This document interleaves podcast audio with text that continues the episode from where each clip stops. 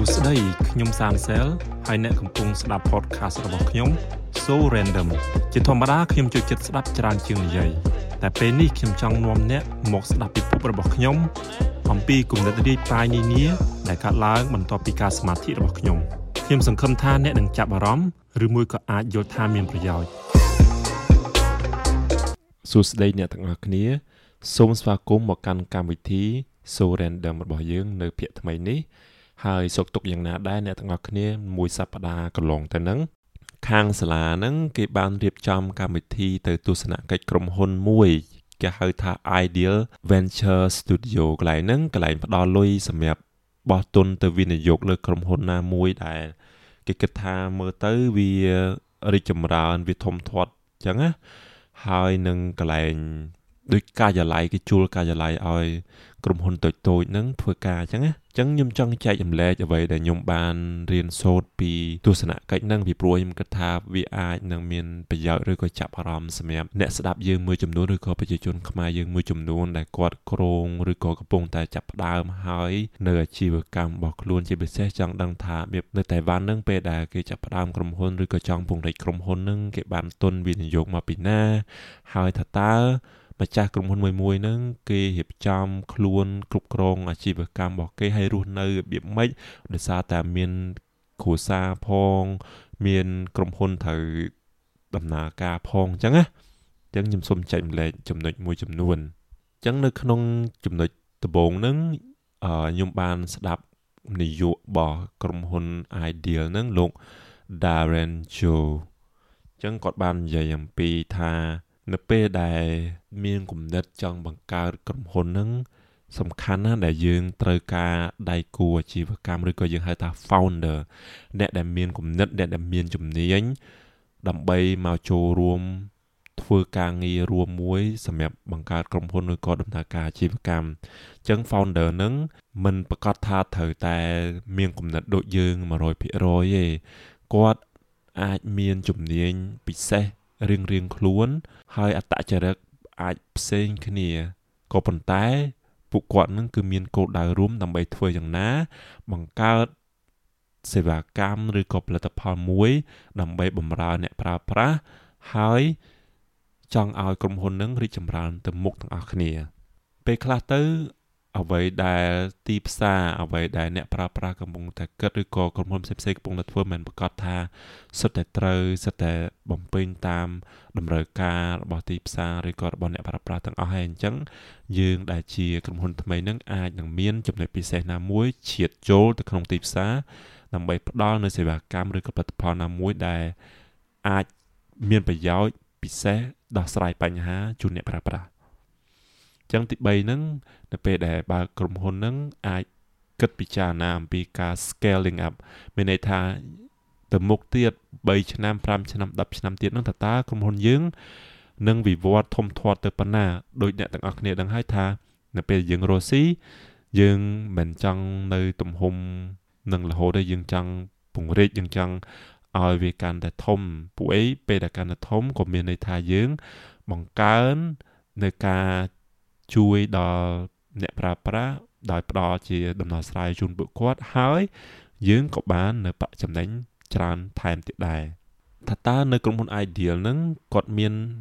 អីខ្លះដើម្បីផ្ដល់ឲ្យអ្នកដែលប្រើប្រាស់អ្នកដែលជាសហគ្រិនអ្នកដែលចង់បង្កើតក្រុមហ៊ុនហ្នឹងអញ្ចឹងក្រុមហ៊ុនរបស់គាត់ហ្នឹងស្ថិតនៅក្នុងក្រោមឆ័ត្រគេហៅថាសាជីវកម្មធំមួយឈ្មោះ Hojing ដែលជាក្រុមហ៊ុន មានអចលនៈទ្រព្យដីធ្លីផ្ទះសម្បែងនឹងច្រើន ដែលមានលុយច្រើននិយាយនៅខ្លីទៅសួរស្ដាប់អញ្ចឹងទៅក្រុមហ៊ុនគាត់នឹងគឺចាំតែបោះលុយទៅវិនិយោគឯងអញ្ចឹងគាត់ចាំមើលថាតើអ្នកដែលមកសុំជំនួយពីពួកគាត់នឹងមានគំនិតបែបណាអញ្ចឹងហើយខាងក្រុមហ៊ុន Ideal ហ្នឹងគេបានចែកម្លែកអំពីយុទ្ធសាស្ត្រដើម្បីគៀងគររដ្ឋវិការវិនិយោគហ្នឹងអញ្ចឹងគាត់ទីមួយគាត់បានប្រាប់ថា ទៅមើលនៅលើ valuation មានន័យថាតម្លៃក្រុមហ៊ុននឹងថាតើក្រុមហ៊ុននឹងឥឡូវហ្នឹងចាប់ផ្ដើមវាអត់ទាន់មានអីប៉ុន្តែថាតើតិចទៀតនឹងនឹងអាចធំធាត់ប៉ុណ្ណាអាចនឹងមានតម្លៃប៉ុណ្ណា1លានដុល្លារ2លានដុល្លារឬក៏តម្លៃប្រមាណអញ្ចឹងគេចាប់ផ្ដើមវិនិយោគហើយនឹងគិតគូរមើលចំណុចទាំងអស់ហ្នឹងហើយទី2ហ្នឹងតើតើក្រុមហ៊ុនហ្នឹងច្បាស់លាស់អត់ជួនកាលទៅមាន founder មានអ្នកបង្កើតក្រុមហ៊ុនហ្នឹងសិទ្ធិអ្នក ជំនាញជំនាញក៏ប៉ុន្តែពួកគាត់អត់សូវទាន់មានបទពិសោធន៍ក្នុងការអនុវត្តជាក់ស្ដែងទេអញ្ចឹងគាត់ចង់ដឹងអំពីថា know how របៀបជំនាញពិតប្រាកដថាតើក្រុមហ៊ុនហ្នឹងឧបមាថាបើសិនជាចង់បំរើសេវាកម្មឬក៏ចង់ផ្ដល់ផលិតផលតាក់ទងនឹងរឿងផ្នែកថែរក្សាសុខភាពថាតើក្រុមហ៊ុននឹងពិតជាប្រកែខាងរឿងថែរក្សាសុខភាពឬក៏យ៉ាងណាហើយទី3នឹងគាត់ចង់កលេចមើលអំពីគំនិត គំនិតក្រុមហ៊ុនថាតើចង់បង្កើតនឹងគំនិតនឹងវាវាថ្មីទេវាមានសក្តានុពលទេក្នុងការផ្ដល់នៅដំណោះស្រាយផ្ដល់នៅអ្វីដែលអ្នកប្រើប្រាស់កំពុងតែចង់បានឬក៏នឹងចង់បានហើយគំនិតនឹងវានឹងអាចរីកសាយភាយអត់ថាតើវានឹងអាចនាំឲ្យក្រុមហ៊ុននឹងរីកចម្រើន ពង្រីកប្រាក់ចំណូលឬក៏នឹងថិតថេបអង្វែងបានកម្រិតណា ហើយមួយទៀតនឹងតកតងនឹង market size ទំហំទីផ្សារតាតាទីផ្សារដែលយើងក្រុមហ៊ុនមួយដែលគាត់ចង់ចេញទៅរកស៊ីចង់ផ្ដល់សេវាកម្មហ្នឹងឧបមាថាយើងចង់បើកហាងកាហ្វេតូចមួយតាតាទីផ្សារកាហ្វេហ្នឹងប៉ុណ្ណាកាហ្វេវាវាទំនើបកាហ្វេវាល្បីអ្នកចង់ផឹកច្រើនក៏ប៉ុន្តែថាតើយើងដឹងអំពីទំហំនឹងរបៀបណិចថាទំហំទីផ្សារឥឡូវហ្នឹងតម្លៃប្រមាណ10លានដុល្លារ ឬក៏20លានឬក៏30លានឬក៏100លានយើងដឹងអត់ថាទំហំទីផ្សារហ្នឹងបានកម្រិតណាហើយថាតើនៅក្នុងទីផ្សារកាហ្វេហ្នឹងមានអ្នកណាខ្លះដែលកំពុងតែបើកលក់មានហាងកាហ្វេប្រមាណហើយហាងកាហ្វេមួយមួយហ្នឹងអាចនឹងលក់តម្លៃបានប្រាក់ចំណូលប្រមាណឬក៏លក់អស់កាហ្វេប្រមាណតោនយើងអាចដឹងអត់ហើយថាតើនៅពេលអនាគតទៀតហ្នឹងអ្នកប្រើប្រាស់មានន័យថាអ្នកផឹកហ្នឹងនឹង មានចំនួនអ្នកផឹកកាន់តែច្រើនឬក៏នៅទំហំដដែលហើយថាតើមានចំណែកទំនេរណាមួយដែលយើងអាចជៀតចូលដើម្បីបម្រើសេវាកម្មឬក៏ផលិតផ្ដល់ផលិតផលកាហ្វេនឹងទៅដល់អ្នកប្រើប្រាស់បានអញ្ចឹងយើងយើងបានសិក្សាស្រាវជ្រាវស៊ីជម្រៅអំពីទីផ្សារកាហ្វេនឹងនៅអាហ្នឹងអំពីទំហំទីផ្សារហើយចំណុចមួយទៀតហ្នឹងគឺតកតងដូចដែលរឿងទំហំទីផ្សារហ្នឹងគឺនិយាយអំពីវិស័យឧបមាថាវិស័យកាហ្វេរបស់យើងហ្នឹងវិស័យហ្នឹងវាមានសក្តានុពលប៉ុណ្ណា ហើយថាតើគោលការណ៍ឬក៏សហគមន៍អ្នកដែលរកស៊ីកាហ្វេហ្នឹងគេមានទំនោរវាម៉េចហើយថាតើរដ្ឋអាជ្ញាឬក៏ក្រសួងពាណិជ្ជកម្មអីហ្នឹងគេមានគោលដៅឬក៏មានទិសដៅក្នុងការជំរុញគ្រប់គ្រងលើវិស័យកាហ្វេនឹងរបៀបម៉េចថាតើយើងមានដឹងព័ត៌មាននឹងខ្លះទេកាហ្វេគឺគ្រាន់តែជាឧទាហរណ៍មួយដែលខ្ញុំលើក យកមកដើម្បីនិយាយអញ្ចឹងបើអ្នកទាំងអស់គ្នាមានគំនិតឬក៏កំពុងតែគិតថារកស៊ីបែបណាហើយអានឹងអ្នកទាំងអស់គ្នាអាចនឹងស្វែងយល់អំពីវិស័យឬក៏ទីផ្សារសម្រាប់ផលិតផលឬក៏សេវាកម្មរបស់អ្នកទាំងអស់គ្នាតាមនឹងចាស់ហើយមួយទៀតហ្នឹងគឺនិយាយអំពីពេលវេលាតើតើនៅពេលដែលយើងក្រងបើកអាជីវកម្មនឹងពេលនឹងឧបមាថានៅដើមឆ្នាំ2024អ្នកទាំងអស់គ្នាចង់បើកហាងកាហ្វេមួយថាតើឆ្នាំ2024នឹងស្ថានភាពសេដ្ឋកិច្ចវាអាចនឹងទៅកម្រិតណា ប្រជាជនយើងដូចឥឡូវអញ្ចឹងអ្នកទាំងអស់គ្នាអាចនឹងលើកឮព័ត៌មានមួយចំនួនហើយថាសេដ្ឋកិច្ចនៅក្នុងស្រុកខ្មែរយើងនឹងវារៀងនឹងត្រឹងមានន័យថាទៅមុខក៏មិនទៅបៀបមានរៀងថយក្រោយបើអ្នកនៅផ្សារវិញមានអ្នកខ្លះត្អូញត្អែថាមានតែអ្នកលក់តែផ្សារស្ងាត់អត់មានអ្នកដើរទិញអត់មានអ្នកទិញអញ្ចឹងណាអញ្ចឹងតើតើពេលវេលាដែលអ្នកទាំងអស់គ្នាចង់ បើកហាងកាហ្វេនៅឆ្នាំ2024ហ្នឹងសេដ្ឋកិច្ចខ្មែរយើងវាមិនអ្នកប្រើប្រាស់ប្រជាជនយើងនឹងមានប្រាក់ចំណូលច្រើនជាងមុនឬក៏អាចនឹងមានធនធានដើម្បីចំណាយនៅលើកាហ្វេដែលអ្នកទាំងអស់គ្នាក្រុងបើកនឹងឬក៏យ៉ាងម៉េចដែរអញ្ចឹងណាអញ្ចឹងពេលវេលាក៏សំខាន់មួយដែរហើយនៅក្នុងតៃវ៉ាន់នេះខ្ញុំគិតថាមិននៅតែតៃវ៉ាន់នៅស្រុកខ្មែរយើងក៏អញ្ចឹងដែរនៅតៃវ៉ាន់ហ្នឹងគេតម្រូវឲ្យមានបុគ្គលទទួលខុសត្រូវនៅក្នុងអាជីវកម្មរបស់យើង មានន័យថាអាចជាម្ចាស់ក្រុមហ៊ុន អាចជានាយកឬក៏ប្រធានផ្នែកណាមួយ ដើម្បីទទួលខុសត្រូវនៅលើឯកសារនានាហើយនៅតៃវ៉ាន់នេះមិនចេះទៅលំលំទេអឺបើអ្នកណាដែលគាត់ត្រូវកាន់ជាបុគ្គលទទួលខុសត្រូវនឹងគាត់ត្រូវឆ្លើយតបជាមួយនឹងរដ្ឋអាជ្ញាជាមួយនឹងរដ្ឋាភិបាលជាពិសេសនឹងគឺមានកិច្ចការអីមានបញ្ហាអីគឺគាត់ត្រូវតែប្រឈមមុខជាមួយនឹងច្បាប់ចឹងណាអញ្ចឹងនៅតៃវ៉ាន់ហ្នឹង មានន័យថាយើងកាន់តំណែងធំយើងកាន់ជាកាន់ត្រាក្រុមហ៊ុនហ្នឹងមិនជាការងាយស្រួលយើងដូចជាមានបន្ទុកចឹងចឹងយើងអ្វីដែលយើងធ្វើហ្នឹងគឺប្រយ័ត្នប្រយែងខ្លាំងណាស់ហើយនៅតៃវ៉ាន់នេះគេមានច្បាប់តម្រូវឲ្យក្រុមហ៊ុននឹងបង់ពន្ធលើប្រាក់ខែបង់ថ្លៃសោធននិវត្តន៍នៅខ្មែរខ្ញុំក៏ដឹងថាយើងមានដែរ ប៉ុន្តែខ្ញុំអត់ដឹងថាកម្រិតនៃការអនុវត្តហ្នឹងកម្រិតណាខ្ញុំធ្លាប់ឮពីអ្នកខ្លះហ្នឹងក្រុមហ៊ុនខ្លះហ្នឹងក៏គាត់ធ្វើស្របទៅតាមអ្វីដែលច្បាប់កំណត់ហ្នឹង100%តែក្រុមហ៊ុនខ្លះធ្វើប្រឡែងបកៅធ្វើប្រឡែងបន្លំដែរវាប្រាក់ខែបុគ្គលិក2000ដុល្លាររាយការណ៍ទៅរដ្ឋតា300ដុល្លារអញ្ចឹងក៏មានដែរអញ្ចឹងនៅតៃវ៉ាន់អត់អាចធ្វើអញ្ចឹងបានទេគឺគេនឹងដឹងហើយបង បើសិនជាយើងភ្លេចបងយើងដូចយើងយើងគិតថាអូអត់មានពីណាគេមកឃ្លាំមើលផងកំអាលបងអីអឺបុគ្គលិកចាំចូលធ្វើការបានកន្លះឆ្នាំមួយឆ្នាំសិនចាំបងគុំសង្ឃឹមរត់គេដឹងគ្រប់ជំហានអញ្ចឹងគេអត់ថាអីទេប៉ុន្តែនៅពេលដែលអ្នកទាំងអស់គ្នាមានខានបងយូរគេនឹងប្រាប់ថាឥឡូវអ្នកទាំងអស់គ្នាទៅបានរត់ពីនៃអញ្ចឹងបណៃដូចជាខ្ញុំចាំអត់ច្បាស់ប៉ុន្តែដូចជាគុណ100% នៃប្រាក់ដែលយើងអាចបានបង់មានន័យថាបើយើងត្រូវបង់មួយខែនឹង2000សម្រាប់ប្រាក់ខែបុគ្គលិកម្នាក់ហ្នឹងប្រាក់ខែហ្នឹងខ្ញុំចង់សំដៅលើពន្ធប្រាក់ខែ2000អញ្ចឹងមានតែគេគេនឹងគុណដែរអញ្ចឹងមានន័យថាអ្នកឯងខានបងពន្ធ6ខែអញ្ចឹងគេនឹងគុណថា2000គុណ6ហើយបន្ទាប់មកទៅគុណ2ទៀតហើយបើសិនជាអ្នកទាំងអស់គ្នាចង់ដឹងថាអូនៅតៃវ៉ាន់នឹងប្រាក់ខែអ្នកតំណែងនេះបានប្រមាណបានអ ត្ថប្រយោជន៍អីខ្លះឧបមាថានៅពេលដែលយើងចង់ជួលបុគ្គលិកមកអញ្ចឹងយើងគួរឲ្យតម្លៃប្រហែលប៉ុណ្ណឹងអញ្ចឹងណាគេមាន website មួយឈ្មោះ payscale.com ខ្ញុំសូមប្រកបឲ្យ p a y s c a l e.com ហ្នឹងហើយអញ្ចឹងអ្នកទាំងអស់គ្នាអាច check មើលបានថាតម្លៃ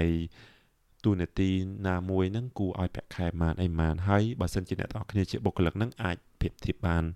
នឹងសម្រាប់នៅតៃវ៉ាន់ណាបើនៅខ្មែរខ្ញុំដូចជារៀងពិបាករកដែរខ្ញុំមិនដឹងថាបងធំឬក៏ website មួយចំនួនដោយខាងក្រសួងការងារលើគាត់ផ្ដល់ព័ត៌មានទាំងអស់ហ្នឹងនៅដើម្បីយើងអាចប្រៀបធៀបបានណាចឹងបើសិនអ្នកទាំងអស់គ្នាដឹងសូមជួយប្រាប់ឲ្យខ្ញុំដឹងផងយូរទៅធ្វើជាម្ចាស់ក្រុមហ៊ុន ធ្វើជាអ្នកដឹកនាំក្រុមហ៊ុនឬក៏មានក្រុមហ៊ុនខ្លួនឯងហ្នឹងស្ដាប់ទៅដូចហមហានធំសម្បើមខ្លាំងណាប៉ុន្តែខាងអ្នកជំនាញដែលគេធ្លាប់រស់ស៊ីបើកក្រុមហ៊ុនរាប់មិនអស់ហើយហ្នឹងគេបានក្រៅរំលឹកថាអញ្ចេះសូមត្រៀមខ្លួនថានៅពេលដែលយើងផ្ដោតលើការរស់ស៊ីពង្រឹងអាជីពពង្រីកអាជីវកម្មរបស់យើងហ្នឹងទំនាក់ទំនងមិត្តភ័ក្តិឬក៏ ក្រុមគ្រួសារហ្នឹងគឺវាមិនអាចបានរឹងមាំមិនអាចបានរីករាយរហូតទេអញ្ចឹងយើងត្រូវត្រៀមខ្លួនទៅហើយអញ្ចឹងដូចខ្មែរយើងនិយាយថាអឺកុំជិះទូកពីរក្នុងពេលតែមួយហ្នឹងហើយអញ្ចឹងយើងយើងត្រៀមខ្លួនហ្នឹងទៅគាត់ថានឹងអាចកាត់បន្ថយសម្ពាធនៅពេលដែលយើងចាប់ផ្ដើមរកស៊ីណាហើយមួយទៀតហ្នឹងសូមកុំខ្មាស់អៀនសូមរបៀបធ្វើឲ្យមុខក្រាស់ ឲ្យមុខក្រាស់យល់ទៅទៅសុំលុយគេទៅរលុយដើម្បីមកពង្រីកអាជីវកម្មឬក៏ពិភាក្សាជាមួយនឹងអតិថិជនឬក៏បុគ្គលិកឯហ្នឹងយូរនឹងឆាប់យើងនឹងប៉ះតង្កេតសម្ដែងអញ្ចឹងយើងឬក៏សុំគេម្ដងគេមិនឲ្យអញ្ចឹងយើងធ្វើមុខក្រាស់ទៅសុំគេទៅអីទៀតយល់ទៅអឺអ្នកដែលគាត់ធ្លាប់រស់ស៊ីគាត់ដឹងហើយគឺមុខក្រាស់បន្តិចមិនបានរស់ស៊ីទៅលឿន ឥឡូវយើងសូមសម្រាប់បន្តិចសិនយើងនឹងជួបគ្នាវិញនាពេលបន្តិចទៀតនេះឥឡូវនេះកម្មវិធី So Random របស់យើងមាន website ផ្ទាល់ខ្លួនសូមចូលទៅកាន់ sorandomwithsamsel.com website នេះនឹងផ្ដល់ជូនលោកអ្នកនៅការវិវត្តថ្មីៗនៃកម្មវិធី So Random របស់យើងហើយលោកអ្នកក៏អាចស្ដាប់ដោយផ្ទាល់នៅកម្មវិធី So Random នៅលើ website នេះផងដែរ ពិសេសជាងនេះយើងបានបង្កើតកម្មវិធីថ្មីមួយឈ្មោះ The Journal ដែលជាកម្រងអត្ថបទនិងរូបភាពរៀបរាប់អំពីដំណើរនិងសង្គមនានាសូមលោកអ្នកចូលទៅកាន់ sorandomwithsansel.com ចំណុចមួយទៀតហ្នឹងគឺធ្វើម៉េចហ៊ានហើយនឹងអាច ធ្វើសេចក្តីសម្រេចចិត្តលើកិច្ចការងារធំធំឧបមាថាគាត់និយាយថាអូមានបុគ្គលិកម្នាក់ហ្នឹងគាត់ធ្វើការអត់សូវហ្មងទេប៉ុន្តែគាត់ប្រកែកយកចិត្តដូចឆុងកាហ្វេឲ្យធ្វើនេះធ្វើនោះឲ្យកិច្ចការផ្ទាល់ខ្លួនក៏ប៉ុន្តែនៅពេលដែលកលេចមើលទៅលើដំណើរការអាជីវកម្មបុគ្គលិកហ្នឹងគាត់អត់សូវទេអញ្ចឹងទៅក៏ក៏គាត់លើកទឹកចិត្តថាឲ្យហ៊ានឲ្យហ៊ានអាសាច់កាត់សាច់ចេញអញ្ចឹងណាមានន័យថា បើមើលទៅអត់មានផលប្រយោជន៍សម្រាប់ក្រុមហ៊ុនការរីកចម្រើនតែក៏យើងដាក់ចិត្តកាត់កាត់ទៅចោលអញ្ចឹងណាហើយនៅពេលដែលជួបទៅជែកជាមួយនឹងវិនិយោគិនជាមួយនឹងអ្នកដែលយើងចង់សុំ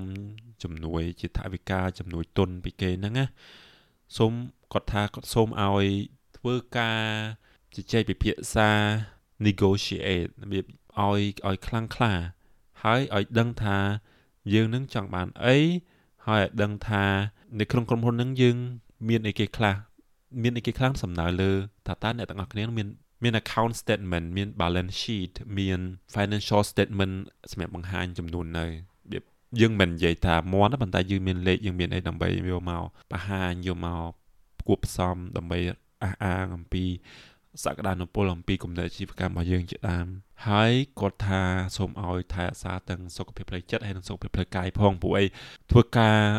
ឲ្យខ្លួនឯងធ្វើការបើក្រុមហ៊ុនហ្នឹងគឺត្រូវការធ្វើការពេលយូរហើយក៏វាអាចប៉ះទង្គិចផ្លូវចិត្តដែរអញ្ចឹងអញ្ចឹងធ្វើឲ្យធ្វើយ៉ាងណាឲ្យយើងនឹងថែរក្សាឲ្យយើងនឹងរកវិធីដើម្បីអាចថែរក្សាទាំងផ្លូវចិត្តនិងផ្លូវកាយរបស់យើងនឹងអាចទៅហាត់ប្រាណឬក៏ធ្វើយូហ្គាឬក៏តាំងសមាធិអីជាដើមចំពោះ ប្រភពទុនអញ្ចឹងយើងទីមួយយើងអាចទៅរកពី angel investment ឬក៏បើយើងមានឪពុកម្ដាយជាអ្នកមានទូធាមានទ្រព្យមានអីហ្នឹងអាចទៅសុំខ្ចីគាត់ឬក៏សុំឲ្យគាត់ចូលវិនិយោគជាមួយយើងឬក៏មានបងប្អូនណាអីដែលគាត់អាចមានទុនធានអញ្ចឹងអាហ្នឹងគេហៅ angel ដោយសារតែពួកគាត់នឹងជាសាច់ញាតិយើងអញ្ចឹងទៅយ៉ាងណាក៏ជាសាច់ឈាមយើងដែរអញ្ចឹងណាហើយទី2ហ្នឹងគឺអាចបានមកពីធនមកពីកម្មវិធី incubator មានន័យថាជាកម្មវិធីមួយដែលគេអាចប្រមូលលុយពីប្រភពផ្សេងផ្សេងហើយគេដាក់នៅក្នុងកម្មវិធីមួយហើយគេ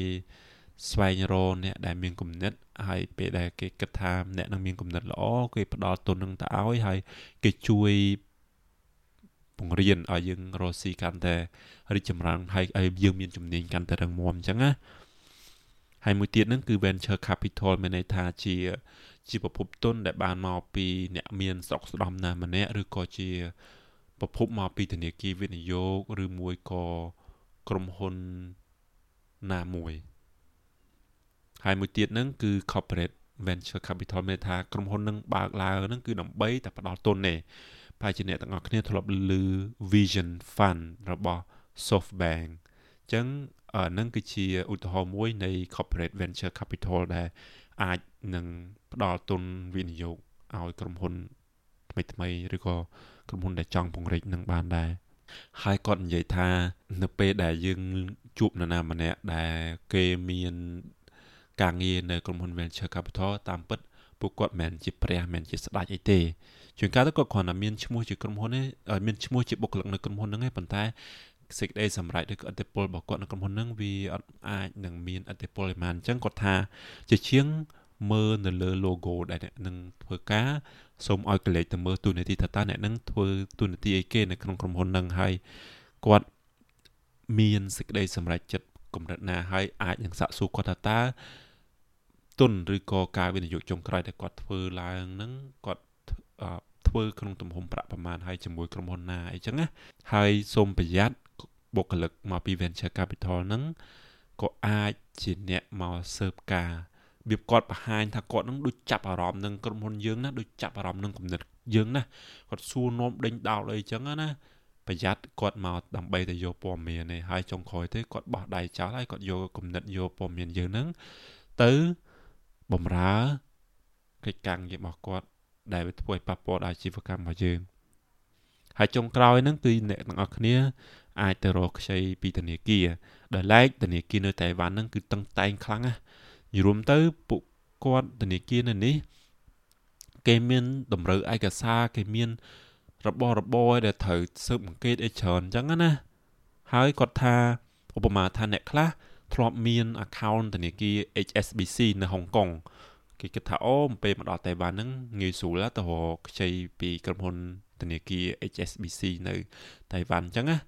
វាអត់អញ្ចឹងទេយល់ទៅគាត់ថា ច្បាប់ទម្លាប់ ផ្នែកហិរញ្ញវត្ថុហ្នឹងពីប្រទេសមួយទៅប្រទេសមួយនេះគឺវាផ្សេងផ្សេងគ្នាអញ្ចឹងមិនប្រកាសថាយើងប្រើសេវាកម្មធនាគារដូចគ្នាយើងនឹងអាចទទួលបានលទ្ធផលដូចគ្នាវាស៊ីសងទៅលើច្បាប់ទម្លាប់ទៅលើបរិយាកាស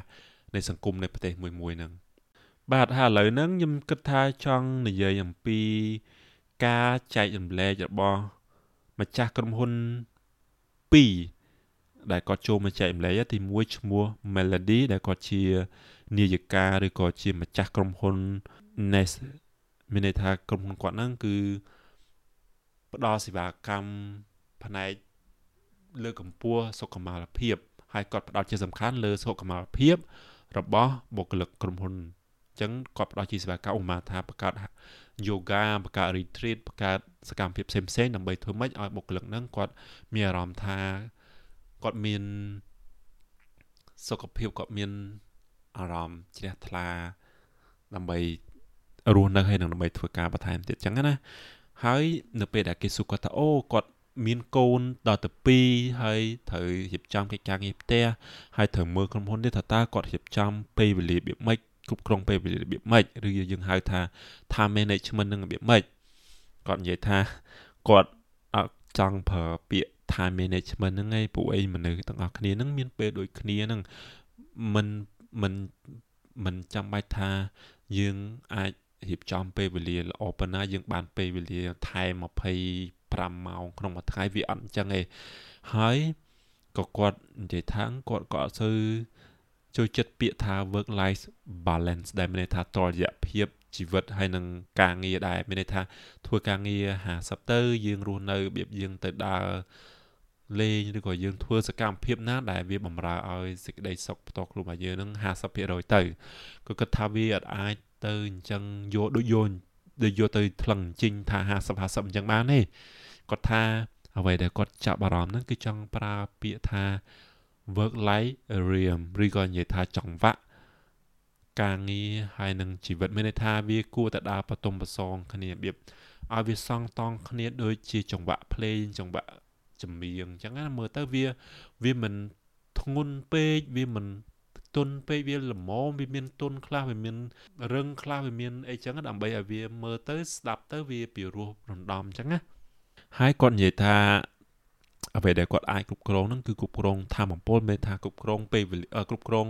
ពេលវេលាវាពិបាកព្រោះអីវាវាវាពិបាកយល់ទៅអញ្ចឹងក៏គិតថាគ្រប់គ្រង ធម៌ពលរបស់យើងថាតើកម្លាំងរបស់យើងនឹងគួរផ្ដោតទៅលើអីគេកិច្ចការងារណាដែលសំខាន់មានអតិភិបមានប្រយោជន៍ច្រើនយើងគួរផ្ដោតអាធម៌ពលរបស់យើងនឹងទៅលើកិច្ចការងារនឹងហើយកុំភ្លេចសម្រាប់ហើយធ្វើអ្វីដើម្បីឲ្យយើងនឹងមានកម្លាំងកំហែងឡើងវិញហើយគួរតែរអ្នកដែលផ្ដល់ជំនួយមានន័យថាជា support system ជាប្រព័ន្ធ